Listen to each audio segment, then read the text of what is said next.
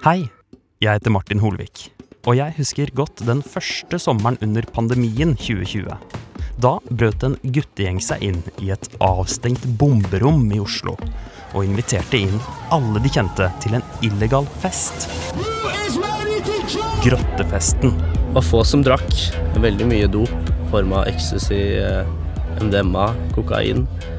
Du tenkte ikke at eh, det her var noe skummelt, for alle virket bare utrolig glade. Jeg var veldig splitta, så jeg kjente jo de her folkene. Men jeg var jo helt imot det de holdt på med, liksom. Jeg kjente det i kroppen, jeg var så forbanna, liksom. 22 år gamle Magnus blir med på festen. Jeg er i feststemning. Går jo rett på dansegulvet og begynner å danse. Men inni grotta står også to strømaggregater som produserer dødelig kullosgass. Det er en av de verste gassene vi vet om, altså fordi den dreper Altså den kveler hele kroppen innvendig.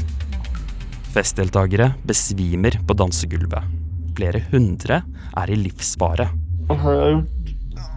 Du har blitt dratt ut Dratt ut? fra det lokalet du var på fest. Ja.